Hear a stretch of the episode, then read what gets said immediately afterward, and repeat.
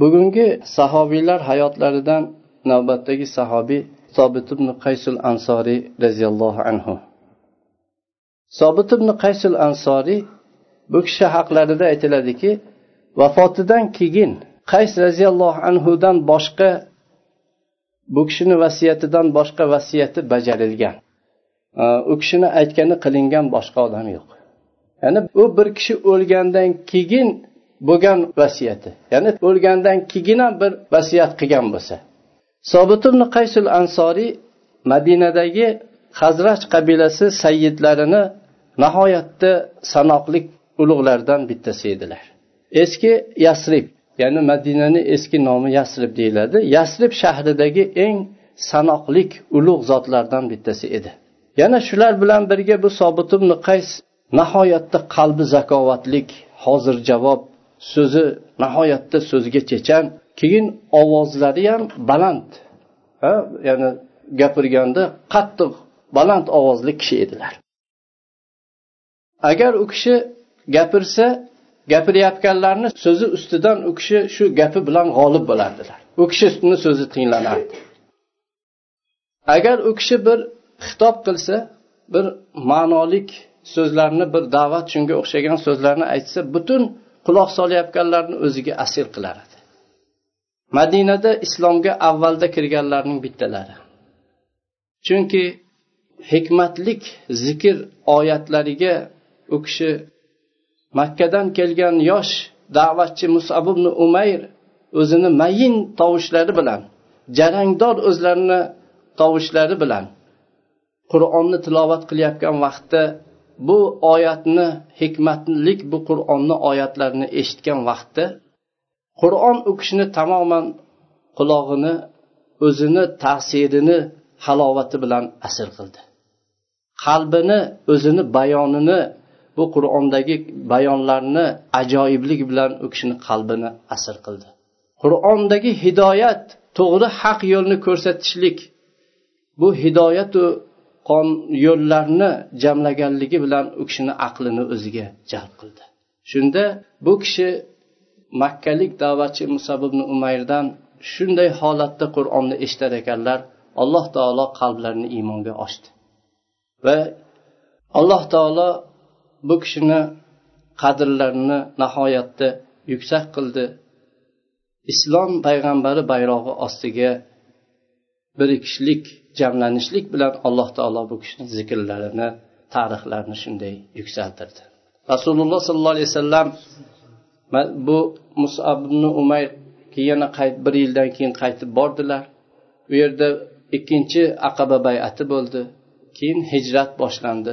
Oxirida qattiq makkada azob uqubatlar og'ir bo'lib dinga amal qilishlikni imkoni qolmaganda alloh subhanava taolo risolatni yetkazishlik uchun o'zini rasuli sollallohu alayhi vasallamga hijrat qilishlikka izn berdi.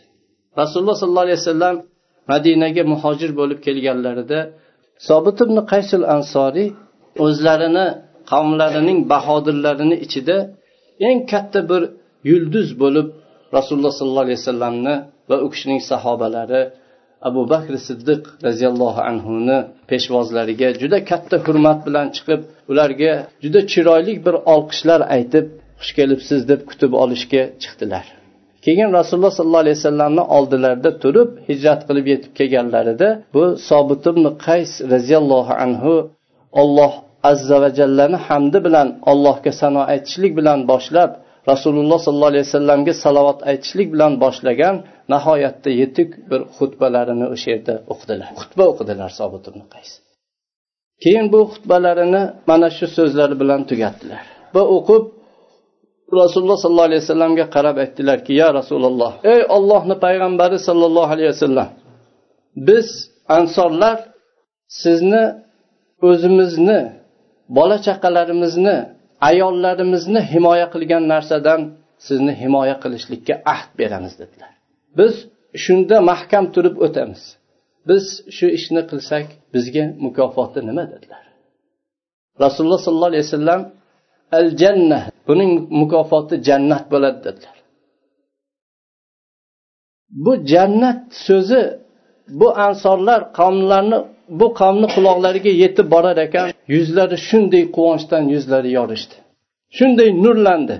Yuzlari shunday chiroyli bo'ldi. Quvonchdan shunday yuzlarini nuri go'zalligi shunday ochildi. Aytdilarki roziyna ya rasululloh roziyna ya rasululloh deb hammalari bir ovoz bilan biz roziymiz ya rasululloh biz roziymiz ya'ni bu harakatlarimizga sizni himoya qilishimizga bizga jannat bo'ladigan bo'lsa biz bunga roziymiz dedilar. Ana shu kundan boshlab rasululloh sollallohu alayhi vasallam sobit ibn qaysni o'zlariga xatib qilib oldilar.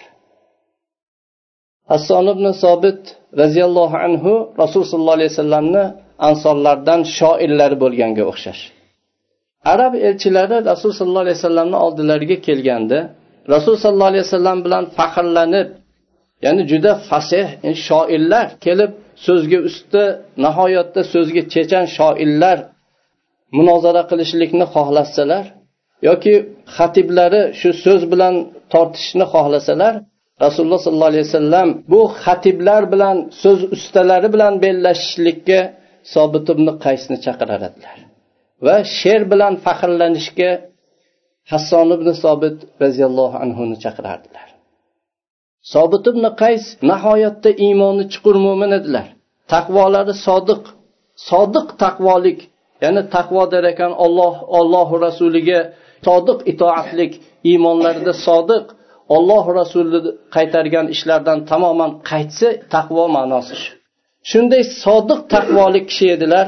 Robbilaridan qo'rquvlari shiddatlik va har bir olloh azza va jallani g'azablantiradigan narsadan qattiq juda katta ehtiyotdagi kishilar edilar. Qo'rqar edilar undan. Rasululloh sollallohu alayhi vasallam bir kun qarasalar nihoyatda g'amgin bo'lib qo'rqib bir yerda yig'lab o'tirdilar. Va butun a'zolari yig'idan titrar edi. Shu silkinib yig'lab titrab o'tirardilar. Rasululloh sollallohu alayhi vasallam ya abu muhammad senga nima bo'ldi? Ya'ni kunyalari abu muhammad edi sizga nima bo'ldi deb so'radilar. Shunda sobit ibn qays roziyallohu anhu aytdilarki yo rasululloh men halok bo'ldimmi deb qo'rqaman dedilar. Nimaga dedilar? Olloh azza va jalla qilmagan ishimiz bilan maqtalishimizni yaxshi ko'rishlikdan bizni qaytardi. Biz qilmagan ish bilan maqtalishlikni yaxshi ko'rishdan olloh bizni qaytardi. Bizni alloh taolo kibrdan bizni qaytardi. Menda shunaqa sifat bor. Shu chiroyli bo'lishni yaxshi ko'raman dedilar. Va men shu maqtalishni yaxshi ko'raman dedilar. Odamlar ichida shunday maqtalishni yaxshi ko'raman dedilar. Shunga men tamom halok bo'ldim yo rasululloh bundan qo'rqyapman dedilar. Rasululloh sollallohu alayhi vasallam u kishini qalblarini tinchlantirishda davom etdilar. U kishi yig'lar edilar. Rasululloh sollallohu alayhi vasallam qalblariga orom berib tinchlantirishda davom etdilar. Hatto aytdilarki ey sobit dedilar. Dunyoda maqtalib yashashlikka rozi bo'lmaysizmi? Shahid bo'lib qatl qilinishlikka va jannatga kirishlikka rozi bo'lmaysizmi dedilar. Ya'ni u kishini shahid bo'lishligi va ahli jannat ekanligini rasululloh sollallohu alayhi vasallam bashorat berdilar. Bu bashoratdan sobit ibn qaysni yuzlari shunda yorishdi. Yo'q ya rasululloh men rozi bo'laman rozi bo'laman dedilar. Rasululloh sollallohu alayhi vasallam bular hammasi senga bo'ladi. Hujrot surasidan mana bu oyat nozil bo'ldi bu oyat nozil bo'lgan vaqtda ya'ni auzu billahi minash shaytonir rojim يا أيها الذين آمنوا لا ترفعوا أصواتكم فوق صوت النبي ولا تجهروا له بالقول كجهر بعضكم لبعض أن تحبط أعمالكم وأنتم لا تشعرون ey iymon keltirgan mo'minlar ey iymon sifati bor bo'lgan kishilar nabiy sallallohu alayhi vasallamni tovushlaridan o'zinglarni tovushingni baland ko'tarmanglar degan oyat. Va rasululloh sollallohu alayhi vasallamga bir biringlarga baqirib gapirgan xitob qilganga o'xshash bunday qattiq baqirib xitob qilmanglar. Sizlar o'zinglar sezmagan holatda amallaringiz habata bo'lib ketishligi mumkin. Bundan qo'rqinglar degan oyat nozil bo'ldi. Shunda sobit ibn qays yuqorida aytib o'tdik u kishini ovozlari baland kishi edi.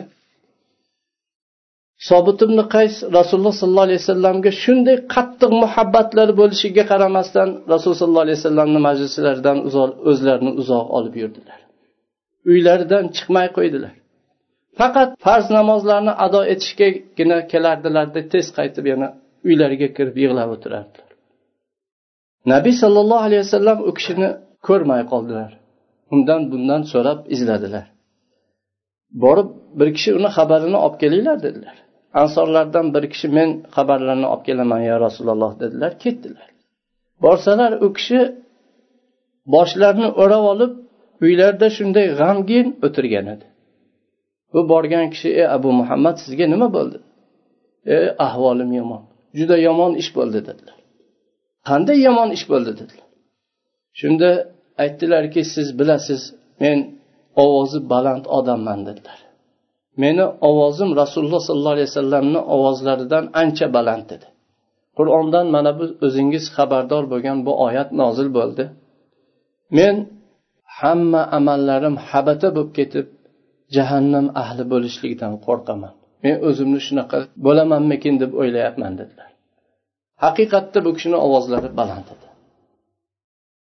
Bu odam rasululloh sollallohu alayhi vasallamga qaytib kelib ko'rgan eshitganlarini rasululloh sollallohu alayhi vasallamga aytib berdilar. Shu mana shunday ahvolda u kishi. Rasululloh sollallohu alayhi vasallam uni oldiga qaytib boring dedilar.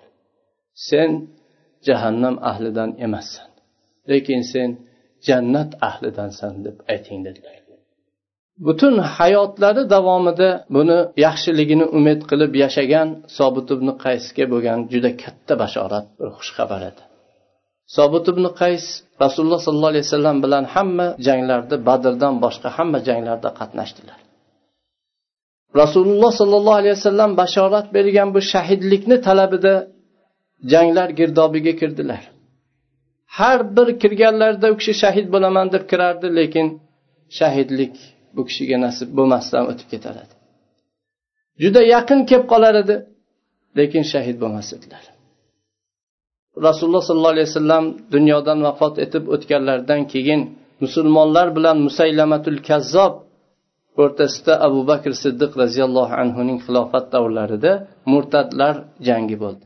Ya'ni musulmonlarni murtadlarga qilgan janglari bo'ldi. Sobit ibn qays roziyallohu anhu bu jangda ansorlar askarlarini amiri edilar. Solim mavlo abu huzayfa. Bu kishi muhojir askarlarni amiri edilar. Xolid ibn valid roziyallohu anhu bu qo'shinni hammasini eng katta qo'mondoni edilar. Ansor muhojir va bundan boshqa atrofdan kelgan boshqalarni boshqa arablarni hammasini boshlig'i edilar.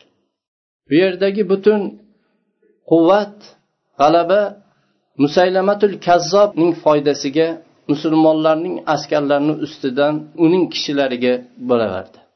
Hatto ish shu darajaga bordiki bu musaylamatul kazzob unga iymon keltirgan murtadlar holid ibn validni o'tirgan chodirlarigacha bostirib borishdi. Va xolid roziyallohu anhuning ayollari ummu tamimni yaqin o'ldirib ham qo'yishdi.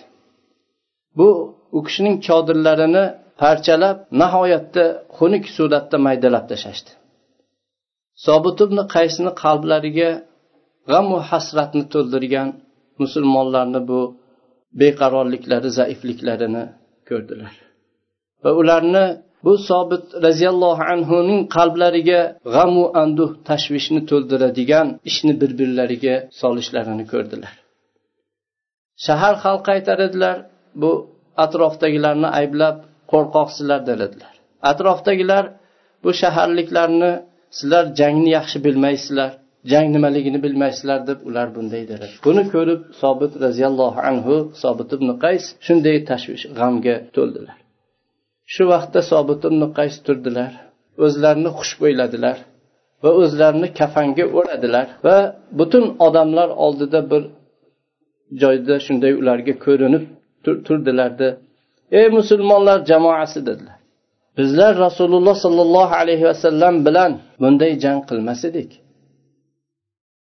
Sizlar bu dushmanlaringizni o'zinglarga bunday jur'at qilishga odatlantirib qo'yganinglar qanday ham yomon ish bo'ldi dedilar.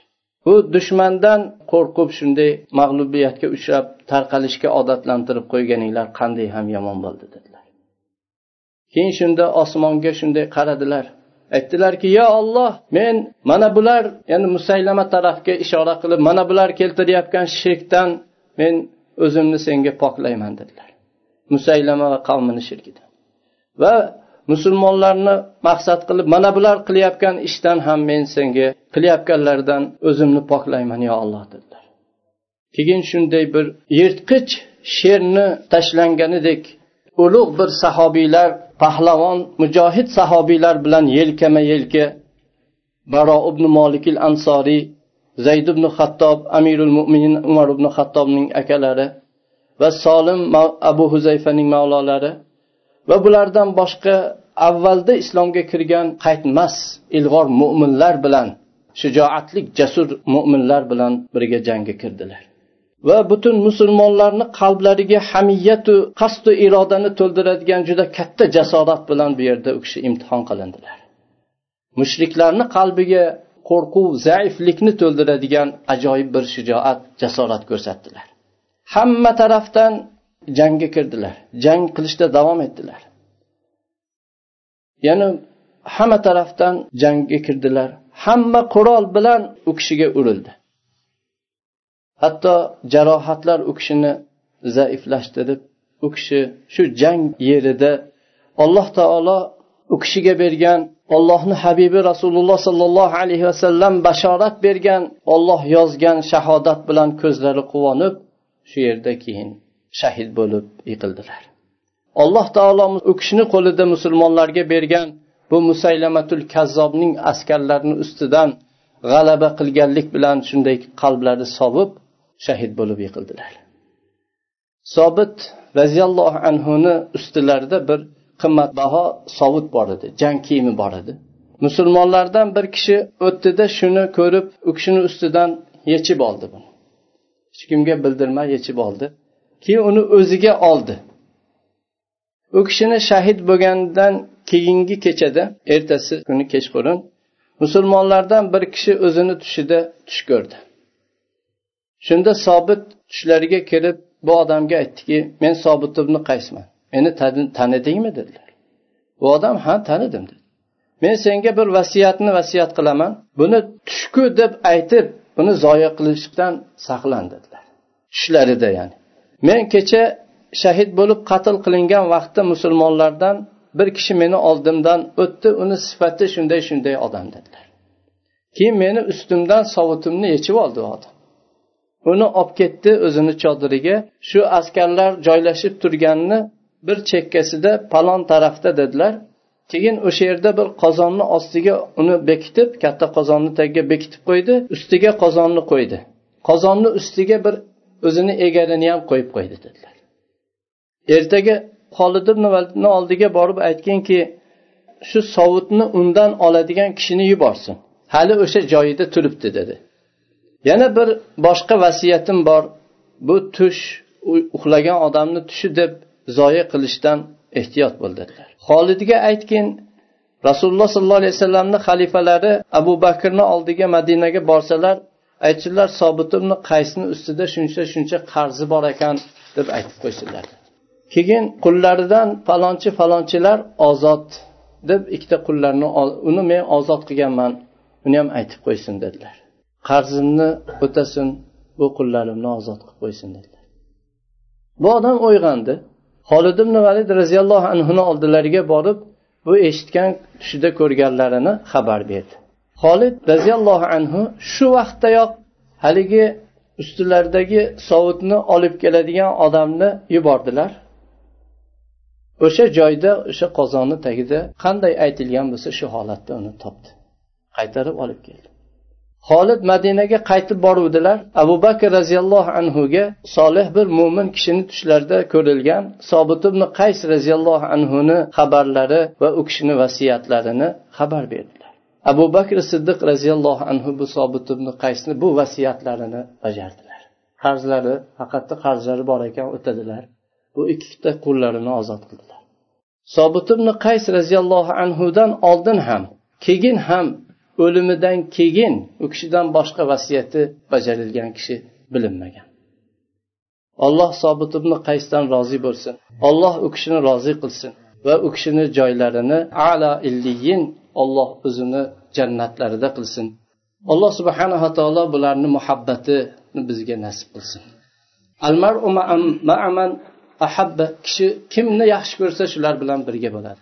سبحانك اللهم وبحمدك أشهد أن لا إله إلا أنت أستغفرك وأتوب إليك والسلام عليكم ورحمة الله وبركاته.